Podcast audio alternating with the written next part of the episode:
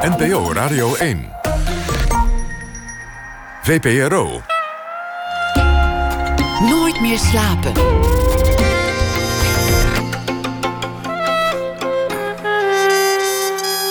Met Lotje IJzermans. Onze gast studeerde summa cum laude af aan het Koninklijk Conservatorium in Den Haag richting klassiek piano. Maar ze wilde zich niet beperken en had als missie om klassieke muziek naast de traditionele podia ook daarbuiten te laten klinken. Dus reed ze met een door Joep van Lieshout ontworpen rijdende vleugel door de straten van New York en speelde ze met regelmaat op plekken waar juist muziek veel betekenis kan hebben, zoals de gevangenis, het AZC of het verzorgingstehuis. Begin september staat concertpianiste Iris Hond, want over haar heb ik het, voor tien shows in het concertgebouw in Amsterdam en toert daarna nog door het land met strijkorkest Camerata Zuid.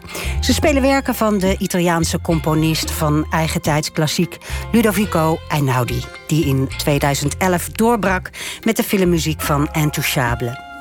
Iris Rond werd geboren in 1987, kroop al op haar derde achter de piano, thuis in Harderwijk.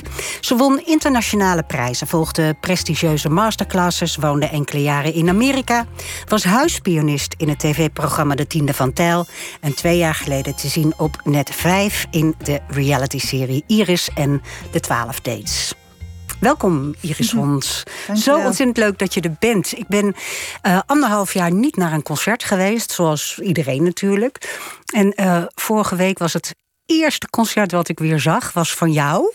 en het was nog een beetje onwennig. Hoe was het voor jou? Ik merkte dat de zaal onwennig was. Want het was voor heel veel mensen de eerste keer dat ze echt weer naast elkaar konden zitten. Um, in die coronatijd heb ik ook wel een aantal concerten gedaan. Uh, maar dan mochten mensen niet, ja, eigenlijk niet juichen. Ze mochten niet staan. Dus er waren zoveel regels. En nu mocht dat allemaal weer wel. Maar ja, ik denk dat mensen dat uh, niet zo goed wisten. Dus iedereen was een beetje, ja, on, precies hoe, ja, onwennig. En jij? Nou, ik voelde dat, ik zag dat. Ja. Um, en daar werd ik wel een beetje onzeker van in het begin. Um, ik deed twee shows die mm-hmm. avond. Dus bij de tweede show was dat al was dat helemaal weg. Want ja, toen ik hoor, het publiek was wel uiteindelijk super enthousiast. Ja. Um, ja, en je kan jezelf gewoon heel erg gek maken. Maar ik heb er, ik heb er gewoon wel echt heel erg van genoten. Ja. Het is zo fijn om weer te kunnen spelen. Een van de eerste, of de twee dingen die me ontzettend opvielen uh, als ik naar jou kijk terwijl je op een podium zit en speelt. En dat was ten eerste geen bladmuziek. Wat ik heel opmerkelijk vond. Dat had ik eigenlijk nog nooit gezien bij klassieke muziek. Nee? Nee. Oh. Vond ik uh, bijzonder. Weet je het allemaal uit je hoofd? Ja, ik speel altijd uit mijn hoofd. Nou, ik vind het knap. Maar het tweede ding wat ik ook heel leuk vond, was dat je uh, op je blote voeten het piano speelt. Ja. En is het lekker, dat koude metaal van die pedalen op je voeten? Uh, nee, dat voel ik niet eens. Maar het is heel fijn om gewoon Kijk, thuis speel ik ook altijd op blote voet of op mijn sokken. Um, dus het is heel fijn om gewoon echt contact te hebben. Ja, en dus het is comfortabel. En uh, er zit nog een praktisch aspect. Ik vind het gewoon heel mooi om op hakken op te komen lopen. Mm -hmm. En ik pas dan niet met mijn benen onder de vleugel. Je hebt hele lange benen. Ja, dus ze ja. moeten gewoon uit. Oké. Okay, dus... En het is voor mij ook wel altijd een beetje een test van wat voor publiek heb ik. Want als ik ze uitdoe, dan zet ik ze naast de kruk neer. Dan beginnen mensen altijd heel hard te lachen. En dan denk ik, oké, de zaal is wel ontspannen. Ja. Er zijn ook concerten waar mensen niks, niet lachen, helemaal niks. Nee, volgens mij was dat bij het concert wat ik zag ook niet, toch? Nee, weet je waarom dat was? Nee? Omdat uh, we hadden een andere lichtman en die wist dat niet en was vergeten dat te zeggen. Dus ik kwam op in het donker. Oké. Okay. Dus ja. dat, dat was, ja, werd niet gezien. En als je in het concertgebouw gaat spelen, ga je ook op blote voeten?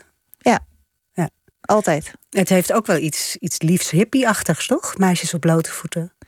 Ja, en het heeft misschien ook wel, zo voelt het voor mij ook, van ik kom het podium op als artiest. Um, dan moet het er ook gewoon een beetje goed uitzien.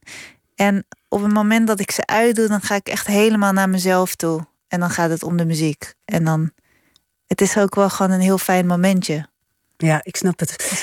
De, de, muziek die je speelde afgelopen week in Tivoli Utrecht was, um, of uh, Tivoli Vredeburg in Utrecht was um, uh, Einaudi ook. En ook van jezelf. Maar laten we het even over die Einaudi hebben. Ja, ik, ik ben uh, debiel, maar ik kende hem dus niet. Totdat ik dus las uh, dat hij die filmmuziek had gemaakt. En ook voor wat nu in de bioscopen draait, The Father. En ook voor Nomadland. En voor tal van andere dingen die je wel hoort, maar niet weet van dat is hem. Hoe heb jij hem leren kennen? Nou, ik denk dat de meeste mensen hem kennen van Intouchable, mm -hmm. die prachtige film. Um, zo heb ik hem ook volgens mij leren kennen. En ik moet je heel eerlijk zeggen dat in het begin, uh, toen zat ik nog wel heel erg in die klassieke wereld. En, en ik denk dat heel veel klassiek, echt, echt diehard klassieke muzici en, uh, en liefhebbers, dat die niet zozeer van zijn muziek houden. Uh, Want? Nou, er werd in het begin, daar heb ik het ook al met hem zelf veel over gehad. Er werd in, in het begin een beetje op neergekeken, omdat het heel simpel is, lijkt. Zeg maar, het zijn weinig noten, het zijn simpele melodieën. Het komt niet in de buurt van een Rachmaninov qua structuur. Um, of moeilijkheidsgraad om te spelen. En dat had ik in het begin ook wel een beetje. Ik weet nog dat ik bij de Wereldrijd door zat en dat hij daar was. En dat Matthijs vroeg van ja, wat vind je van zijn muziek? En dat ik zei, ik vind het heel bijzonder dat iemand zoveel mensen kan raken met deze muziek. Mensen echt, maakt niet uit leeftijd, achtergrond, cultuur, religie. En dat is heel bijzonder, maar ik vraag me wel af hoeveel gelaagdheid in die muziek zit. Ik denk, dan zeg ik het heel netjes. Maar daarna heb ik hem dus zelf leren kennen en um, eigenlijk via hem zijn muziek gewoon heel erg gaan waarderen. En ik speel het als ik in een ziekenhuis speel of in een gevangenis. En het is gewoon heel bijzonder wat die muziek kan doen met mensen. En uh, die gelaagdheid, hè, dus die, die Rachmani-novel heeft... en die virtuositeit, um, uh, die heeft dit niet. Nee. En toch heeft het zoveel waarde. Waarom spreekt het zoveel mensen aan? Waarom spreekt het jou uiteindelijk aan? Um, nou, misschien juist wel daardoor. Wat, wat, hoe het voor mij persoonlijk voelt. Um, ja, ik, dat zei ik, vertel ik ook in de voorstelling. Van het, het neemt mij mee naar een hele rustige, veilige plek. Het, ja, het is gewoon lief en zacht. Ja. Ik denk dat heel veel mensen daar behoefte aan hebben. En het is, ja, hij kan zo goed alle emoties en gevoelens die we allemaal kennen, uh, vertalen in muziek. En bij een Rachmaninov is dat ook wel zo. Maar dan moet je in eerste instantie... dat moet je een paar keer horen misschien... om het echt te leren kennen. En ja, er zitten ook veel meer uh, uitbarstingen in, qua dynamiek natuurlijk. Ja, klopt. Het is... dat, is, dat, dat is qua energie niet één niveau. Dat gaat nee. verschillende kanten op. Nee, bij hem kom je echt in een soort van, van trance. Je komt in een... Het is, heel, het is heel fijn. Het is gewoon heel aangenaam. En ik denk dat het daarom ja, veel betekenis heeft voor mensen, omdat mensen daar ook daarnaar op zoek zijn. Als je dan nu bij uh, Matthijs zou zitten en hij zou het weer vragen, wat zou je dan nu zeggen? Nou, ik denk dit, dat. Ja, um, ja daar, daar heb ik het ook wel met hem over. Van, want hij heeft klassieke compositie gestudeerd. Hij kan het allemaal, hij weet het allemaal, maar hij heeft ervoor gekozen om, ja, om juist die simpelheid. En dat is zo moeilijk. Ik bedoel, het is zo moeilijk om juist met weinig noten iets te vertellen. Um, dus dat, ja, dat zou ik nu zeggen dat dat wel heel bijzonder is. Heeft het uh, invloed uh, gehad op de manier waarop jij componeert? Want ja, je maakt ook je eigen muziek. Ja, heel erg. Ja, en dat, ik denk, zijn muziek heeft daar invloed op gehad. Ik denk ook gewoon de fase in mijn leven waar ik nu in zit. Ik, um, ik had altijd wel de behoefte om echt te laten zien dat ik heel goed piano kon spelen. Want daar had ik, daar had ik vanaf mijn derde keihard voor gewerkt. Om al die snelle noten te kunnen spelen. Um, en nu ja, voel ik dat ik mezelf niet meer zo hoef te bewijzen. Dat is ook wel lekker. Dat is echt heerlijk. ja, dat is heel fijn. Want je hebt inderdaad heel hard gewerkt. Um, je eerste album was ook een plaat met Rachmaninov erop, bijvoorbeeld. En ook Chopin. Ja. En dat is natuurlijk ook heel erg inderdaad om te laten zien hoe virtuoos en hoe knap je kan spelen. En, en, en nu dus ga je die verstilling in. Uh, wat komt er in de plaats van die virtuositeit? Um, ja, ik denk. Um, wat komt er in de plaats van die first? Ja, een ander soort expressie. Wat ik. Um, kijk, Chopin heeft ook verstilling. Maar daar zit ook nog wel heel erg een gevecht in. Om het, om het zo goed te kunnen spelen, om elke toon precies te krijgen. Om, weet je, zijn, ja, daar is natuurlijk die muziek bestaat zo lang, daar is zoveel over geschreven, er zijn zoveel opnames gemaakt. Iedereen heeft een mening over hoe het zou moeten klinken. En daar werd ik wel een beetje moe van. Ook. Dus het is ook gewoon wel lekker dat uh, nou die gewoon nu componeert, klaar. Ja, en daarom speel ik ook mijn eigen composities. Daarom schrijf ik ook zelf, mhm. omdat ik, ik heb gewoon, ik wil mijn gevoel uiten en omzetten in, in muziek en dat met mensen delen. En daarbij ga ik niet meer. Um, kijk, toen ik klassiek speelde, deed ik het bij voorbaat al niet goed genoeg.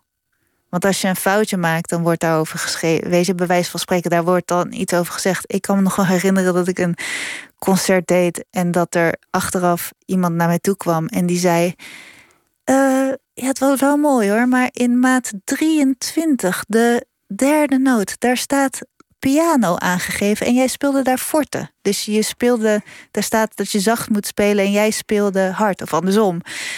En ja, daar, daar kan je toch niks mee. Nee. Zeg maar, dat, daar had ik geen zin meer in. Ja, die hele puristische manier van muziek ervaren. Ja, het gaat om het gevoel. En dat voel ik, dat wil ik zo uitstralen. Is dat ook een soort bevrijding? Want je hebt inderdaad vanaf je derde keihard gewerkt om zo goed te worden als je bent. En dan ga je eigenlijk een stapje terug in, in die virtuositeit. En je gaat dichter bij je eigen gevoel zitten. Is het een bevrijding? Of is het ook een, hoe kijkt de klassieke wereld daarnaar? Uh, of maakt je dat niks uit? Nee, dat maakt me niks uit hoe zij daarover. Ik, mhm. Ja, dat maakt me niks meer uit. Ik denk ook dat in het klassieke landschap is heel veel veranderd. Onder andere door Einaudi. Dus uh, die grenzen die zijn veel meer vervaagd. Um, ze denken veel minder, minder in hokjes. De klassieke zalen die weten ook van... Ik bedoel, tien keer concertgebouw. Wie, ik bedoel, dat kan je niet dromen. Dat is absurd kan ik wel natuurlijk al die credits aan mezelf geven. Maar dat is helemaal niet het geval. Die muziek van Einaudi, die spreekt zoveel mensen aan. En dat concertgebouw zit tien keer vol. Terwijl dat is voor een concertgebouw uniek. Zij hebben ook, zij verliezen natuurlijk ook hun, een deel van hun publiek. En daar, daar, dat hebben ze zich jaren geleden wel gerealiseerd van we moeten iets doen. We kunnen niet puristisch blijven. We moeten zeg maar um, ja, wat vrijer zijn in, in wat we hier neerzetten. En jij hebt je daar eigenlijk ook sterk voor gemaakt. Hè? Dus inderdaad, wat ik in mijn introductie zei met die vleugel door New York. Maar ook uh, omdat je de klassieke muziek, of uh, uh, eigentijdse klassieke muziek, zoals wij nou uh, brengt naar podia die eigenlijk. Um, uh, onconventioneel zijn. Ja. Ik, ik zag een filmpje waarin je um, ook kom maar eens kijken uh, speelt met een uh, dementerende mevrouw. Ik vond dat automatisch sympathiek, omdat je daar je neus niet voor ophaalt. Nee. Maar je, brengt daar, je zit daar ook een mooi klassiek stuk te spelen. Ja, nou dat was wel een heel grappig geval. Want ik, ik speelde dus die klassieke werken. En toen vroeg ik aan ze van... is er nog iets wat jullie heel graag willen horen? En toen zei die mevrouw kunt u ook Sinterklaasliedjes zingen? Toen zei ik, nou, nee, maar heeft, is hier ergens een boek met liedjes aanwezig? En dat was er. En toen gingen we dat doen. Nou, dat, dat zet mij maar daar elke zondag neer. dat vind ik heerlijk. Doe je het nog veel? Want je hebt het heel veel gedaan. Hè? In AZC, gevangenis, uh, waar je dan zelf uh, de mensen uit, uh, uit, uit de cel moest trommelen... omdat ze eerst niet wilden. Ja. Ehm, kankerkliniek, nou, je bent overal geweest. Doe je dat nog veel? Nou, nu door corona moest het stoppen, want het mag niet. Um, maar dan, ja, zeker. Dat blijf je wel doen. Ja, ik wil, ik, kijk, ik geef nu veel concerten, dus die regel gaat niet meer op. Maar ik heb ooit gezegd, voor elk concert wat ik in een concertzaal geef, wil ik ook spelen op een plek waar de mensen zijn die niet naar de concert zou kunnen komen. En dat is wel iets wat ik echt in mijn hart draag. Want dan is voor mij een. Als ik dat kan doen, dan ben ik in balans. Dan klopt het voor mij in mijn gevoel. En dat gaat niet altijd. Maar ik probeer het wel zoveel mogelijk. En wat geeft het jou? Want wat jij hen geeft is vrij evident. Uh, maar wat geeft het jou? Waarom ben je daardoor in balans? Um, ja, het is zo dankbaar om te doen. Het, is, het zijn allemaal pareltjes. Het zijn allemaal onvergetelijke momenten. En ja, hoe, het, is, het is gewoon zo fijn als je iemand echt iets kan geven die daar zo behoefte aan heeft. Um, dat doet heel, ja, dat doet, dat doet, doet veel met mij. Kijk, op een, op een podium, dan ben ik daar de artiest. Weet je, ik word, ik sta daar op mijn hoge hakken. Uh, het is allemaal top geregeld backstage. Ik heb een heel team om me heen. Weet je wat, die zorgen er allemaal voor dat ik op mijn best ben. En dat is geweldig. Als ik naar een, um, een AZC ga, gaat het niet om mij. Gaat het om al die andere mensen. En het is gewoon zo bijzonder om ook zo dicht op hen te zitten, zeg maar, die emoties te voelen, de verhalen te horen. Want je gaat ook met iedereen in gesprek. Ja. Of nou, met iedereen, met, met veel mensen, ja. Ja, ja en dan hoor je gewoon, ja, dan, uh, ja, dat, dat, uh, dat verrijkt je gewoon, dat je, dat je verhalen hoort waar, je al, ja, waar we allemaal iets van kunnen leren. Zoals? geen oordeel hebben over anderen omdat je, als je het verhaal niet kent. Iedereen heeft een verhaal. Iedereen komt ergens vandaan. Um, maar je krijgt ook gewoon inzicht in hoe een samenleving functioneert en um, hoe veerkrachtig mensen kunnen zijn. Nou, dat, dat zijn een paar dingen die, uh, die veel indruk maken. Ja. Is muziek dat voor jou, verbinding met anderen? Ja, en verbinding met mezelf en met anderen? Um, in, in, in, als je dus een concert van jou ziet, wat ik heb gedaan, uh, dan, um, dan praat je tussendoor eigenlijk over wat de muziek voor jou betekent, of waar het, het lied of het, nee, het nummer, hoe het noem jij dat? Ja. De compositie over gaat. Um, en twee woorden komen eigenlijk veel voor, vond ik. En ook in de stukken die ik over jou lees. En dat is het woord veiligheid bijvoorbeeld. Ja. Een ander woord is thuis, daar gaan we het straks nog over hebben. Maar dat woord veiligheid, waarom zit dat in de muziek voor jou? Ja, omdat de muziek voor mij zo'n veilige plek is. Um, dat is de plek waar ik alles kwijt kan. Waar er geen oordeel is.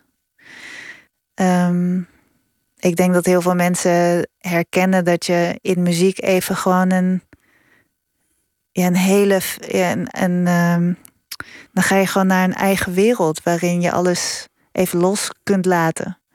Waarin je ook wordt geconfronteerd met gevoelens. Maar dat is dan wel helemaal jouw ervaring. Dat vind ik heel mooi aan muziek. Kun je de, herinneren de eerste keer dat je ervoor dat de muziek jouw veiligheid gaf? Nou, ik kan me herinneren dat ik um, ja, dat ik nog, zeg maar, als ik uit school kwam, dat ik direct achter die vleugel wilde gaan zitten. Zo van, ik moet heel even gespeeld hebben, dan heb, dan heb ik rust. En ik kan me ook wel herinneren dat, um, ja, dat ik ooit een deal, een pact heb gesloten met die vleugel. Dat was, dat is een heel gek verhaal, maar dat, um, ik was toen nog hartstikke jong. En, onze hulp in huis, die, die was, bleef maar tegen mij praten over iets heel onzinnigs. En ik dacht alleen maar, ga nou weg, ik wil spelen. Ik zat toen achter de vleugel. En toen zij uiteindelijk wegging, dat ik naar die vleugel keek en zei van... oké, het is jij en ik in dit leven, wij moeten dit doen. Zo van, oké, dit is gewoon de plek voor mij. Hier ben ik thuis. Het is een beetje uh, Robert Johnson die, die een pact met de duivel uh, sluit om uh, heel goed gitaar te kunnen spelen. of Faustiaans. Maar dan zonder het kwaadaardige eigenlijk. Ja, het is gewoon. Ik voel me ook altijd heel erg verantwoordelijk ervoor. En ik. En ik um... Voor je instrument of voor, je, voor dat voor, gevoel? Voor van... dat gevoel. Ja. En ik voel ook dat. Um, kijk, tuurlijk heb ik soms geen zin om te spelen. Er komen ook weken voor dat, dat ik die vleugel nauwelijks aanraak. En dat gaat toch niet helemaal goed dan, zeg maar, binnen in me. Ik voel me gewoon veel beter als ik speel. Mooi pakt. Um, je hebt op je elfde een, een, uh, is, er, is er iets vreselijks gebeurd. En dat heb je ook voor jezelf opgelost met muziek. Um, kun je dat even vertellen? Want dan kunnen we daarna luisteren. Ja, ja. Uh, ja toen, uh, toen ik elf was, overleed een vriendinnetje van mij. En daar was ik ontzettend verdrietig over. En met dat verdriet ging ik naar mijn ouders toe. En toen zei mijn vader tegen mij: um, Je kan iets doen met dat verdriet. Je kan het namelijk omzetten in iets moois. Je kan het gebruiken om je te laten inspireren. En ik snapte nog niet helemaal goed wat hij bedoelde, maar ik ben toen s'nachts, uh, omdat ik niet kon slapen van het verdriet, ben ik achter de piano gaan zitten en daar uh, ben ik gewoon maar gaan spelen. En dan heb ik eigenlijk mijn eerste stukje muziek geschreven voor dat vriendinnetje. En daar, nou dat, dat heb ik heel veel gespeeld als toegift. En dat stuk staat ook echt voor mij, ook voor de periode waar ik nu in zit. Want ik wist nog helemaal niks. Ik kon nog helemaal niet goed spelen. En ik, ik wist nog niks van muziek. Ik had geen regels waar ik me aan moest houden. Dus het is zo'n puur stukje muziek. En dat is misschien wel ook weer om de link naar Einaudi te leggen, wat hij dus kan. Terwijl hij heeft alle kennis, maar hij gaat toch terug naar dat hele pure gevoel. En dat kan hij vertalen. Dat is ontzettend knap. En dat kon jij toen je elf was. Ja, omdat ik elf was en nog niks wist. Ja, dat is grappig van ouder worden. Eigenlijk maak je een soort omtrekkende beweging. Als kind weet je eigenlijk heel veel. En dan gaan er allerlei dingen mis. En dan kom je weer een beetje uit bij waar je begon. Klopt. We gaan er even naar luisteren. Het is voor je vriendin en zij heet uh, Stephanie. Ja.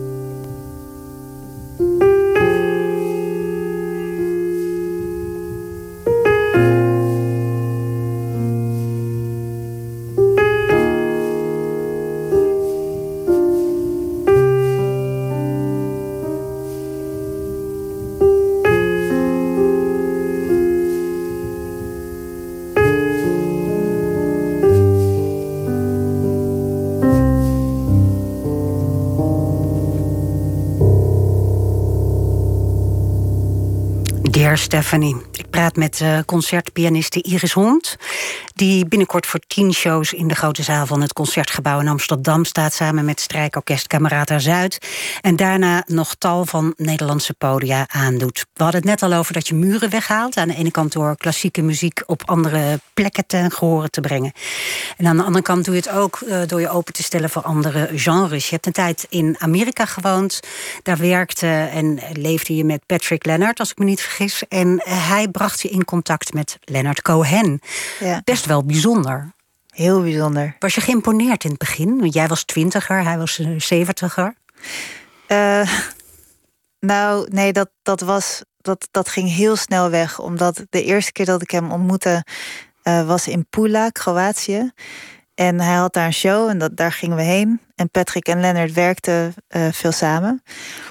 En we hadden, Patrick en ik hadden zo'n en de lange trip achter de rug. Dus we kwamen eraan helemaal moe en bezweet. En we voelden ons vies en we hadden honger. En toen uh, belde Leonard en die zei: uh, We zitten te eten, kom. Was wat later op de dag. En um, ja, dan is meteen. Ik dacht, ja, hallo, Leonard Cohen, ik wil me even opfrissen. En toen dacht ik, nee, kom op. En dan ja, nee, dat, dat voelde eigenlijk meteen, dat was eigenlijk meteen uh, heel goed. Je had een klik met hem. Ja, en het was ook gewoon meteen van mens tot mens en niet als artiest. En, um, nou, wist dat... hij dat jij zelf ook een muzikante was? Nee, op dat moment, hij wist helemaal niks van mij. Nee, je was gewoon de vriendin van Patrick ja. met wie hij werkt. Ja. ja. Wanneer heb je hem voor het eerst jouw werk laten horen? Het lijkt me best een momentje namelijk. Um, ja, dat heb ik niet gedaan, dat heeft eh, Patrick gedaan. Uh, Patrick liet hem veel dingen horen als die, hij ging bijna elke dag naar Lennart toe om daar met hem te werken. En als ik dan iets had geschreven, dan, dan, dan liet hij dat ja, op een gegeven moment vaak aan, uh, aan Lennart horen. En ik weet nog, de eerste keer was hij heel verbaasd. Hij was überhaupt verbaasd over dat ik, ja, uh, hij vond het gewoon mooi. En hij, en hij was daar verbaasd over. En dat heeft onze relatie ook wel heel erg veranderd. Dus, op, dus opeens zag hij me ook wel, ja, dat het veranderde gewoon. Hij zag mij als. als opeens was je een collega. Ja, precies. Ja. En uh, ja, dat, dat, ja, dat is natuurlijk heel bijzonder. Heb je wat van hem geleerd, muzikaal gezien? Uh, ja, uh, over het zingen heb ik heel veel geleerd. Echt waar? Omdat want hij eh, is niet werelds meest virtuoze zanger, hè? Nee, maar ik was zo onzeker over dat zingen. Dat was ook helemaal niet mijn ambitie. Maar Patrick heeft me daar een beetje ingeluist. En hoe dan? Ja, door. Ik had een stuk geschreven met zang. En ik zei: Wees jij een goede zangeres? En toen zei hij: Oh, die, dat weet ik wel, dat, dat komt wel. Maar zing even een demo in. Dat die demo. zei hij op een gegeven moment: van, Ik zei: Wanneer komt nou die zangeres? Ja, tijdens het, uh, tijdens het mixen. Oké, ik wist van niks, hè. En tijdens het mix, wanneer komt nou de zangeres? Oh, dat doen we tijdens het masteren. En toen was die cd gemasterd en stond mijn stem erop. Ja, heel nasty. um, maar Lennart die zei tegen mij... zit gewoon heel dicht tegen die microfoon aan... en fluister in mijn oor.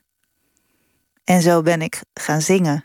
Ja, want je zingt nu, uh, zeg één op de vijf dingen zing je zelf, zeg maar? Ja, ik, ik doe Zing je bij in ieder geval? Ja, ik doe het in een. Ik ga nu ook tijdens de Einaudi Tour. Uh, zing ik één heel klein liedje. Eh, is dat het momentje waar je dan even een beetje zenuwachtig voor bent? Ja, dat is waar ik zenuwachtig voor ben. Maar het is ook wat ik wel heel bijzonder vind om te doen. Want? Omdat het zo kwetsbaar is. Helemaal omdat ik geen zanger. Ik ben geen zangeres. Maar je ik wil... zingt wel heel mooi. Ja, nou, dat vind ik lief dat je het zegt, maar zo voel ik het nooit. Ik ben er altijd onzeker van over. Ik zeg altijd tegen mijn geluidsman: Oh, was het, was het, was het te doen? altijd. Standaard. En heb je nog steeds dat gevoel dat, eh, dat, dat je dan tegen Lennart fluistert? Ik denk er wel vaak aan, ja. ja. Je vierde met hem ook uh, uh, Shabbat. Ja. Hoe kwam dat? Omdat hij dat elke vrijdag viert. En op een gegeven moment ja, werden wij uitgenodigd om bij die diners te zijn. Hij gaf elke uh, vrijdagavond, uh, de vooravond van de Sabbat, gaf hij een, een, een diner. Nou, dan ging hij gewoon met zijn, als, als iedereen er was, met zijn gezin, met zijn familie eten. Met zijn, met zijn kleinkinderen, met zijn zoon, met zijn dochter. En heel af en toe mochten daar vrienden bij, uh, bij aansluiten. En zo op het moment dat het zo uitkwam en ik was daar en uh, Patrick en ik hadden tijd, dan, dan waren we daarbij. En uh, jij hebt, uh, je bent niet van Joodse afkomst, want je moeder is niet Joods. Nee. Je oma was ook niet Joods, maar je opa wel. Ja. Was het iets wat bij jou aansloeg, zeg maar? Ontzettend. Ja, want ik, ik heb wel altijd grote vraagstukken gehad over dat deel van de familie. Dus ik heb me er wel, ja, misschien heel gek, maar heel erg verbonden mee gevoeld. Uh, ik heb er veel onderzoek naar gedaan. Ik ben een aantal jaar geleden met mijn vader naar Auschwitz gegaan. Ja, je moet het even uitleggen, want je, je grootvader is ondergedoken in de oorlog. Ja, de vader van mijn vader. Ja. Mijn vader zou ook. Mijn vader heet Steven, maar die zou David geheten hebben. Maar die is vernoemd naar de man bij wie mijn opa ondergedoken zat. Uit dankbaarheid van je grootvader, ja. ja. En zijn familie is weggehaald? Ja. Ja, en allemaal naar Auschwitz of naar Sobibor. Um, en ja, dit is. Het was gewoon een groot mysterie in de familie van wat, ja, wat, hoe, waar komt mijn vader eigenlijk vandaan? Hoe was het met opa? Waarom was die relatie moeilijk? Um, mijn vader die had ja, best wel is een hele emotionele man met heel veel verdriet in zich en angst ook wel. En um, ja, die wil het altijd heel goed doen voor andere mensen. En ik voelde gewoon van daar zit iets. En dat heeft ook met het verleden te maken. En ik werd toen gevraagd om de muziek te schrijven voor de Broadway show van The Pianist, van die prachtige film. En nou, dat, ja, daarvoor wilde ik gewoon naar Auschwitz om gewoon echt te voelen en vanuit daar die muziek te schrijven. En toen dacht ik, misschien wil mijn vader wel mee. En is dit, ja, slaan we twee vliegen in één klap. En hoe reageerde hij toen jij dat vroeg? Want uh, bij jullie thuis werd helemaal niet... Je opa vertelde niet over de oorlog. Nee, ik heb mijn opa nooit gekend. Die overleed toen ik één jaar was. Uh, mijn vader had de hele tijd bijna geen contact met mijn opa. Uh, maar er werd inderdaad nooit over gesproken. En dus jouw interesse daarin was echt een, jouw particuliere interesse. Het was geen, niet van de hele familie. Nee. nee, het is heel gek. Ik heb me altijd heel verbonden gevoeld met mijn opa. En met die kant van de familie en met Joodse mensen. En um, daarom ook met Lennart, uh, die vrijdagavonden. Dat, ja, en dan deed hij zo'n gebed van tevoren. En ja, dat, voor mij voelde dat als thuiskomen. Ik vond het zo bijzonder, zo heerlijk. Het sprak me zo aan. Wat gebeurde er in Auschwitz met uh, je vader en jou? Um, nou, mijn vader was er wel huiverig voor zeg maar, om daarheen te gaan om dat verdriet aan te gaan. Of hij wist natuurlijk niet wat er op hem af zou komen. Wat, waarom deed hij het voor jou? Ja, hij deed het wel voor mij. En ik weet nog, hij zei eerst zei hij nee. Hij wilde eerst niet mee. En toen zei hij, ik zou het dan doen voor jou. Um, maar hij zegt, ik weet niet of ik het aan kan. Want ik weet niet wat er gebeurt met me. En toen zei ik, ik zorg dat er een goed team is. Um, ik denk dat het heel belangrijk is om dit aan te gaan. Juist, dit wil je toch weten? En je wilt toch, ja, dit wil je weten. En jij had het idee dat als hij uh, dat vreselijke verdriet, wat alsmaar op de achtergrond in jullie genen en in jullie sfeer zat, um, dat als hij dat aanging, dat jullie relatie ook beter zou worden. Ja, ik had gewoon het gevoel dat er iets tussen ons in stond. En. Um, en ik had er zelf ook last van. Ik moest er huilen als ik naar mijn vader keek. Als mijn vader ja, tranen in zijn ogen kreeg, nou, dan kon ik kon niet meer. En, en ik had heel veel nachtmerries over de oorlog. En ik, het had gewoon met hem te maken. En ik wilde daar ook zelf vanaf. Ik wilde het zelf ook onderzoeken. Nou, toen zei ik: Oké, ik wil het aangaan. We gaan het doen. Ja, en dat, dat heeft op het moment dat hij die namen van zijn familie op die lijst zag staan, brak die. Um, ja, dat heeft zoveel opengebroken tussen ons. Hij heeft zich zoveel er? gerealiseerd. Wat, wat gebeurde er tussen jullie? Um, waar hij.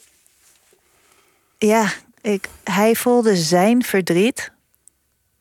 Ik voelde dat het niet mijn verdriet was, maar ik zag nu heel duidelijk: oké, dit is van hem. En de rollen draaiden om. Dus ik zorgde altijd voor mijn vader. Altijd. Je ziet het ook in die documentaire. Hij, ik loop achter hem aan. Ja, het is verfilmd, hè? Of het is gefilmd. Ja, het is gefilmd. Ja. Ik ben alleen maar op hem gericht. Ik loop achter hem aan. En op dat moment dat hij brak, op een gegeven moment breek ik ook natuurlijk.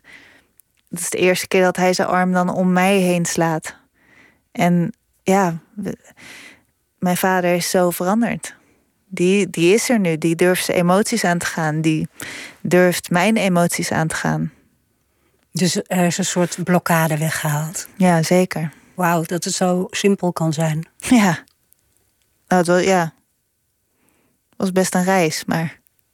Ja, ik zeg niet dat het makkelijk was, maar wel simpel, toch? Je gaat naar ja. Auschwitz, je ziet het onder ogen en er valt iets weg. Ik geloof, dat zeg ik volgens mij daar ook, als je licht werpt op een schaduw, dan gaat die schaduw weg.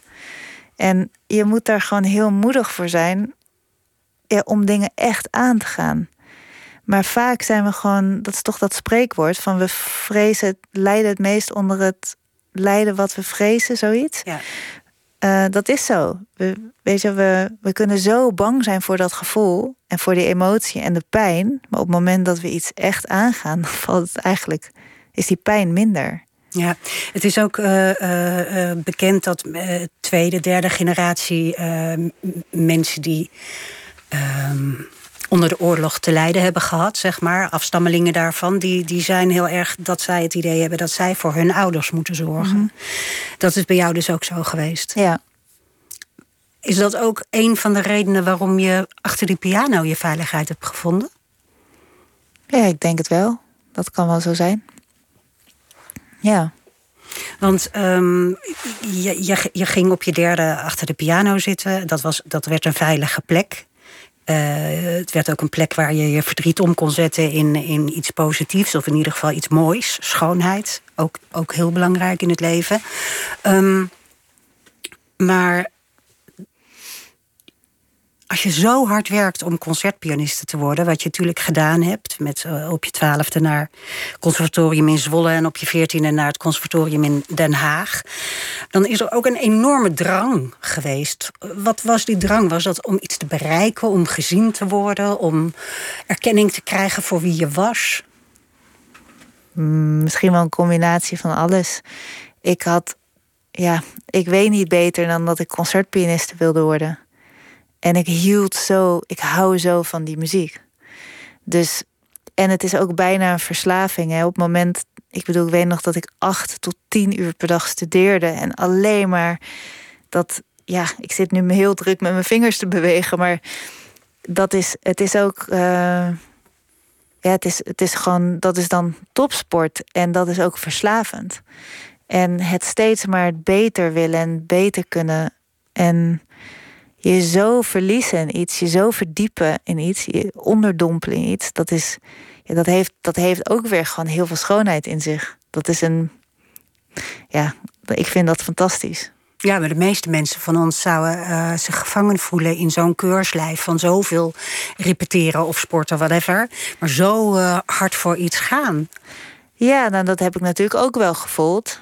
Uh, ik ging niet met vriendinnetjes uit of Um, ik weet nog met vriendjes, ja, die wilden af en toe een weekendje weg. Nou, dan zei ik, staat er een vleugel en kan ik acht uur per dag studeren. Anders dan ga ik niet mee.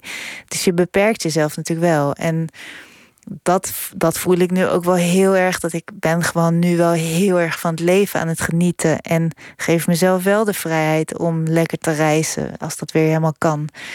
En, en heel veel leuke dingen te doen. Dus ik heb dat ook wel heel erg gemist. Ja. Dus, dus ligt, lag altijd stress en druk op. En dat wil ik nu niet meer. En dat beschermende van anderen, wat je dus met je vader had, uh, ja, dat heb je eigenlijk ook met mensen over wie je schrijft. Hè. Je schrijft altijd in de vorm van een, een, brief, een muzikale brief aan iemand, waarin je zijn of haar verhaal wil vertellen. Is, is dat ook, waar blijf jij dan als het altijd over anderen gaat?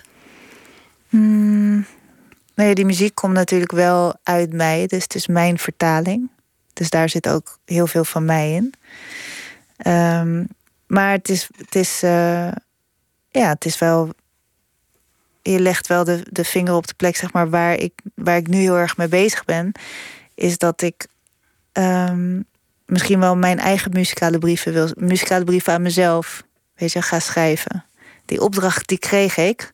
Heel veel mensen hebben dat wel eens weet je, gevraagd aan mij van, heb je wel eens een muzikale brief aan jezelf geschreven? Dat had ik nog nooit gedaan. Ehm, dat heb ik onlangs wel gedaan. En dat is zo moeilijk. En dan moet je uit zo'n ander vaatje tappen, zeg maar, bij jezelf. Kun je vertellen hoe dat proces werkte dan? Nou, normaal gezien, als ik iets, zeg maar, als jij mij nu een heel mooi verhaal vertelt, wat je hebt gedaan voordat we elkaar net even, voordat we in de uitzending eh, gingen, ja, dan hoor ik daar eigenlijk meteen muziek bij. Dus dan um, ga ik, kan ik zo achter de vleugel gaan zitten en doe ik mijn ogen dicht en dan komt er altijd iets, komt altijd muziek. Maar toen ik die muzikale, muzikale brief voor mezelf ging schrijven, toen kwam er niks.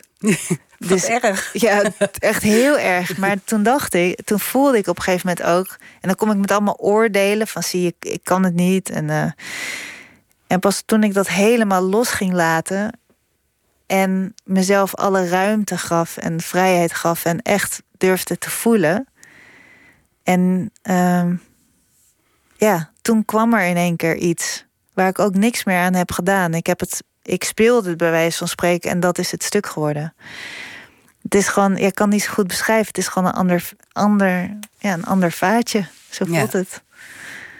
Een ander klepje wat open gaat, ja. een ander deurtje.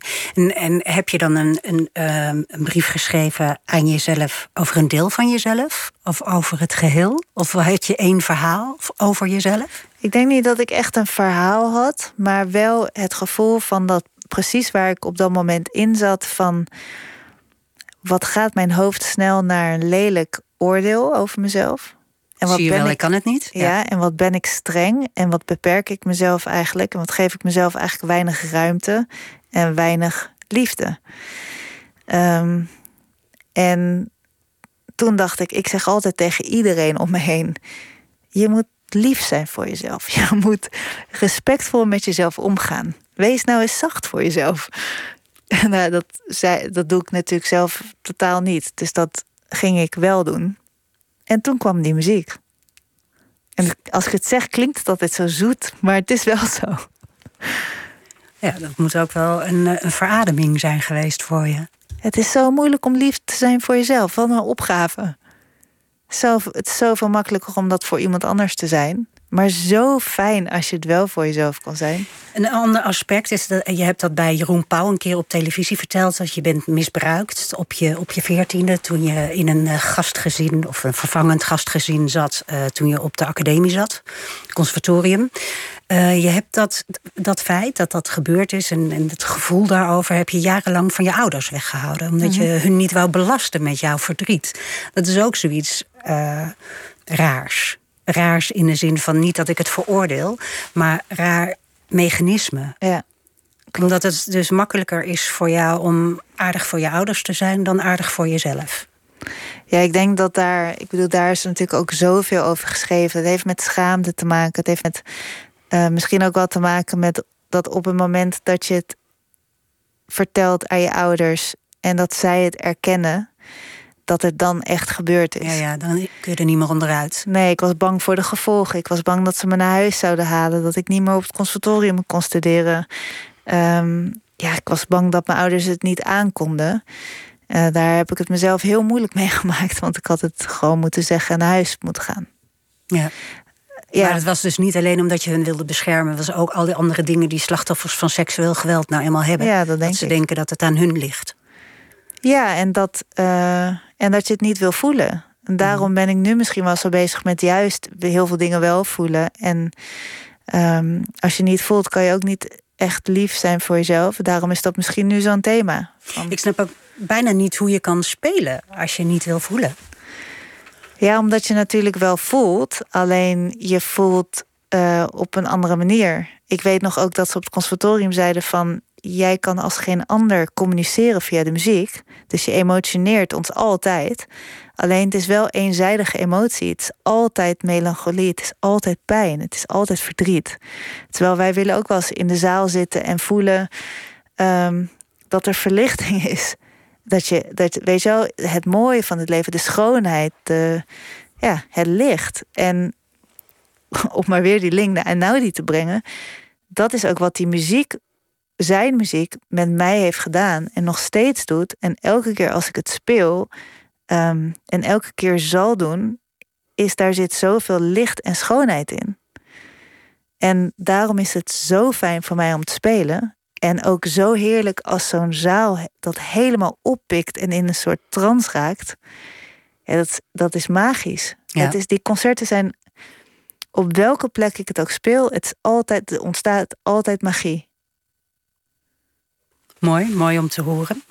Ik, ik wil nog iets. Oh, nou, en nog één vraag over jouw optredens. Hè? Want je praat dus tussendoor, vertel je dingen oh, waar een muziekstuk over gaat. Of uh, maar daarin ben je ook heel empathisch. Uh, betrek je het uh, publiek erbij. Van, vertel eens wat jouw band is met de nummer van... en nou, oh, nummer zeg ik heel maar komt omdat ik uit de popmuziek kom. Hè? een, een, een stuk van Einaudi. Of je vertelt van we hebben allemaal wel eens dat we ons onveilig voelen. Of dat we geen thuis kunnen vinden. Geen geborgenheid. Het zijn hele bijna motivational speech-achtige toespraakjes. Je wil de mensen meer geven dan alleen muziek. Ja, klopt. Ja, heel kort antwoord. Dat klopt. Ik vind dat. Um, ik vind dat belangrijk om te doen. Ik vind dat heel fijn om te doen. Het is iets waar ik. Ik laat heel veel van mezelf zien. Ik stel me eigenlijk heel kwetsbaar op. Ja, je stelt je ontzettend kwetsbaar op. Ja. Um, ja, dat is wie ik ben. En daarmee maak ik ook de verbinding met het publiek. En als ik dan naar de hand, wat eigenlijk altijd gebeurt, uh, berichtjes via Instagram uh, of LinkedIn of zo krijg van uh, je hebt, je hebt me zo ontroerd en je hebt me zoveel gegeven en ik heb hier, dit was precies wat ik nodig had. En um, ja, laatst kreeg ik een berichtje van een moeder die zei: Ik was met mijn dochter en we zaten terug in de auto en die zei tegen mij: Ik denk dat Iris gelijk heeft en dat ik wat liever voor mezelf moet zijn. Mm. Ja, dan, ja, daarmee, ja, als ik, als ik maar een heel klein beetje dat gevoel aan iemand kan geven, dan is mijn missie toch een beetje geslaagd. Ik vind het heel leuk dat je echt op geen enkele manier cynisch bent. Nee, waarom zou ik cynisch zijn? Nou, ik weet niet. Eh, veel van, eh, van uh, ons worden een klein beetje cynisch af en toe over bepaalde dingen. Omdat, omdat het leven gewoon af en toe pijn doet. En dan is dat een fijne afweer. Maar daar, daar... Als het leven pijn doet, dan ga ik dat aan hoe moeilijk dat ook is. En niet altijd meteen, soms kom ik er pas later achter. Maar ik merk wel dat daar juist uh, dus voor mij de schoonheid van het leven in zit. We hadden het net, je zei dat van ik stel me heel kwetsbaar op tegenover mijn publiek. Ik vind dat heel erg bewonderenswaardig dat je dat doet. Een andere manier waarop je jezelf eigenlijk in de laatste jaren best wel kwetsbaar hebt gemaakt, is dat je een soort toegetreden bent tot het uh, bekende Nederlanderschap. Hoe bevalt dat? Uh, je, ja, hebt, je hebt, een serie gemaakt over, over jouw datingleven en je, je ontwikkeling daarin. Uh, waarin je dus twaalf dates had met uh, mannen. En uh, twaalf keer met een psycholoog sprak over wat er goed ging en wat er fout ging. Iets wat veel vrouwen zullen herkennen. Maar ik dacht wel van waarom leg je jezelf zo op het hakblok? Ja, dat ik dat ik kijk daar nu ook met andere ogen naar. Op dat moment, um, ja, uh, die belde mij van Linda de Mol. En het was voor net vijf, de zender waarvoor zij... Uh... Ja, en zij, uh, ze, ze vertelde me op een gegeven moment over het format... en ze liet een trailer zien, want het is een Israëlisch format. Mm -hmm. Ja, dat was zo precies. Het, het, het, emotioneerde me gewoon. En ik zag een soort van... wauw, als ik, ik kan hier zo'n ontwikkeling mee doormaken. Ik, ik zie het als een onwijze kans voor mezelf om te groeien. Ja. En toen dacht ik, maar moet dat dan op tv? En toen dacht ik, ja, maar als ik nou de spiegel, ik, als ik nou de spiegel kan zijn voor heel veel vrouwen en mannen, um, dan offer ik mezelf daar wel voor op. Ja, het klinkt heel stom, maar dat dacht klinkt ik heel nobel. Maar ja, jij krijgt de shit over je heen. En, en, en jij, jij uh, wordt de hele dag gefilmd in een reality uh, documentaire-achtige setting.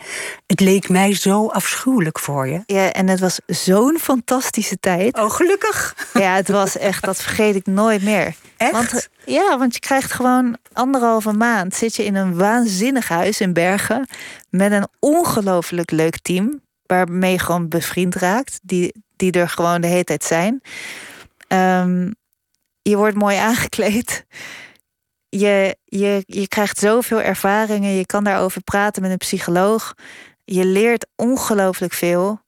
Um, ik heb anderhalve maand kon, moest ik mijn agenda natuurlijk vrijmaken. Nou, dat is al heerlijk. Ik kon heel veel muziek schrijven. Ik heb mijn hele, weet je, ik heb een heel album daar bij wijze van spreken geschreven.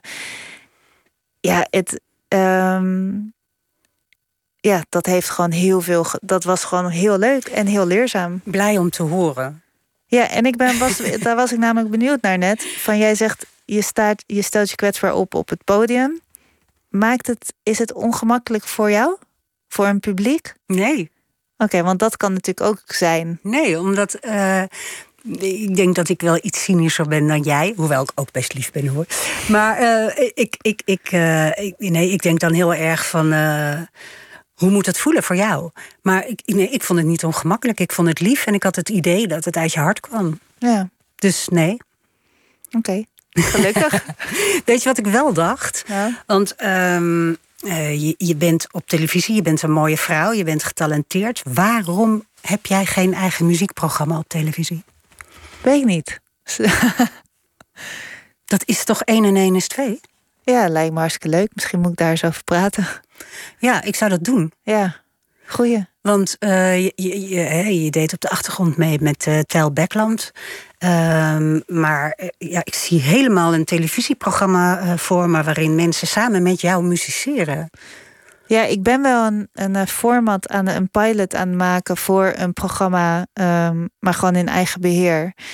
Um, uh, om met kinderen, dan verwerk ik zeg maar het verhaal van een, van een kind in een muzikale brief. Ja, dat, dat wordt echt prachtig. Um, maar ja, er zijn, en ik word wel eens benaderd voor dingen, maar er zijn natuurlijk, uh, ja, ik bedoel, bij deze uh, lijkt me hartstikke leuk. Ja, volgens mij moet je dat echt gaan ontwikkelen. Ja. Goed format voor op de NPO. Uh, waarin jij muziceert met anderen samen aan een piano. Uh, ja. Allerlei soorten muziek, allerlei soorten mensen. Um, ik ga zeker kijken. Oké. Okay. ik noteer. Ja, je moet dat echt uh, gaan ontwikkelen. Dat lijkt mij een hele goede. Wat, uh, ik heb het idee dat de laatste jaren, ondanks corona en dat je weinig hebt uh, op kunnen treden, dat er toch heel veel met je gebeurd is. in dit afgelopen uur zeg je heel vaak: nee, nu doe ik dat anders. En nu, wat, wat is, is er iets specifieks gebeurd? Of waarom zijn dingen in een stroomversnelling geraakt? Of nou ja. is het gewoon het leven?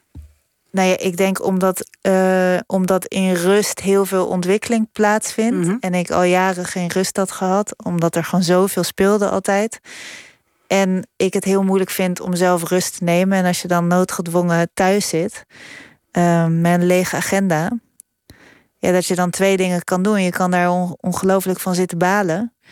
Of je, of je kan er gebruik van maken, zeg maar. En dat heb ik gedaan. Dus ik ben naast uitrusten heel goed naar mezelf gaan kijken. En ja, eigenlijk gewoon op elk as punt van mijn leven gaan kijken van uh, wat, wat wil ik eigenlijk anders?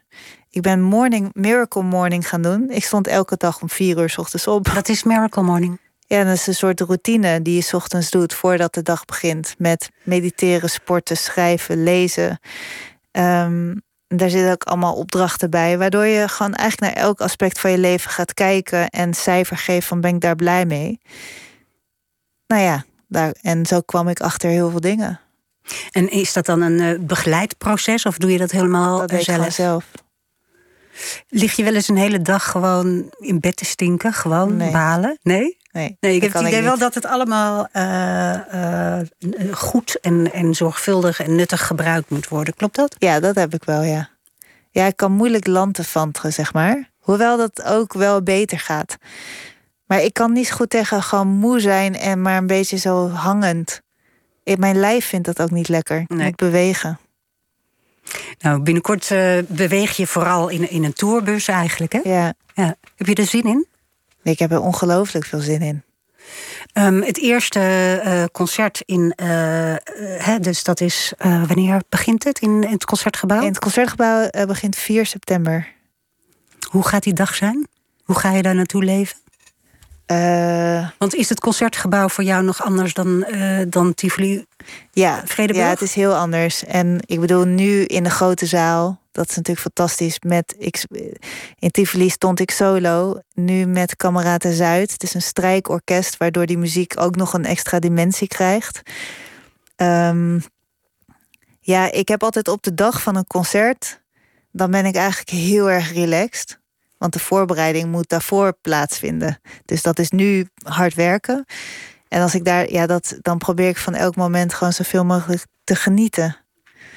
Ja, ik bedoel, in het concertgebouw, dat, dat blijft een, uh, een zeldzaam mooie plek. Dat is echt serieus een van de mooiste zalen ter wereld. Ja. Ik, en dat vind ik ook leuk van, van Einaudi, is dat er, er gaan mensen in het concertgebouw komen die nog nooit in het concertgebouw zijn geweest. En je moet die grote zaal moet je ervaren. Dat is, dat is ja. Dat is, dat is een, echt een ervaring. Als ik zo, uh, het uur is bijna om. Als ik zo een uur met je praat, dan denk ik, je bent eigenlijk vooral een, een bruggenbouwer. Je probeert de hele tijd uh, mensen die niet bij elkaar horen te verbinden. Klopt ja, dat? Ja, denk het wel. Hm. Um, ik, ik, ga je heel veel succes wensen en uh, heel veel plezier ook. Ik hoop dat, dat je echt geniet van, uh, van de muziek, uh, van het publiek ja. en van de wisselwerking. Mag ik daar nog iets over zeggen? Ja, heel graag. Nou, dat um, ik ontzettend veel berichten van mensen krijg die bij het concertgebouw hadden willen zijn, maar het was heel snel uitverkocht. Maar nu is dus de zaal geopend, dus verder geopend, omdat de maatregelen iets ah, versoepeld zijn. Okay. Dus er zijn nu extra kaarten. Dat weten heel veel mensen helemaal niet. Nee, want het was uitverkocht. Ja, want het was heel uitverkocht. Maar er zijn dus, mensen kunnen er dus bij zijn. Nou, mensen. ik mag niks zeggen. Heel veel uh, succes. De tour gaat ook nog uh, na het concertgebouw naar Arnhem, Den Bosch, Helmond, Enschede, Kuik, Utrecht, Eindhoven, Leiden en Groningen. En ik wens je ontzettend veel plezier. Het was fijn dat je er was. Dankjewel, vond ik ook. Uh, dit was Nooit meer slapen. maandag zijn we er weer. En dan ontvangt Pieter van der Wielen, de Vlaamse schrijver Herman Brusselmans. Zo direct op deze zender Vink.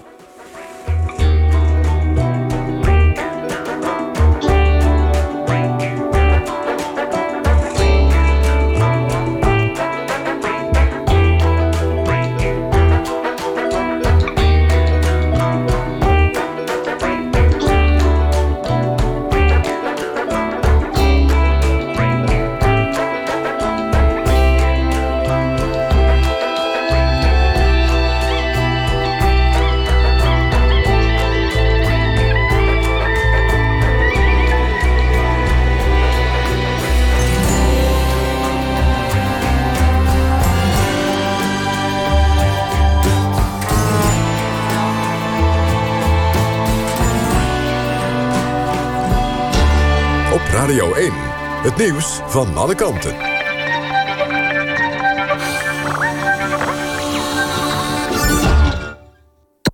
NPO Radio 1.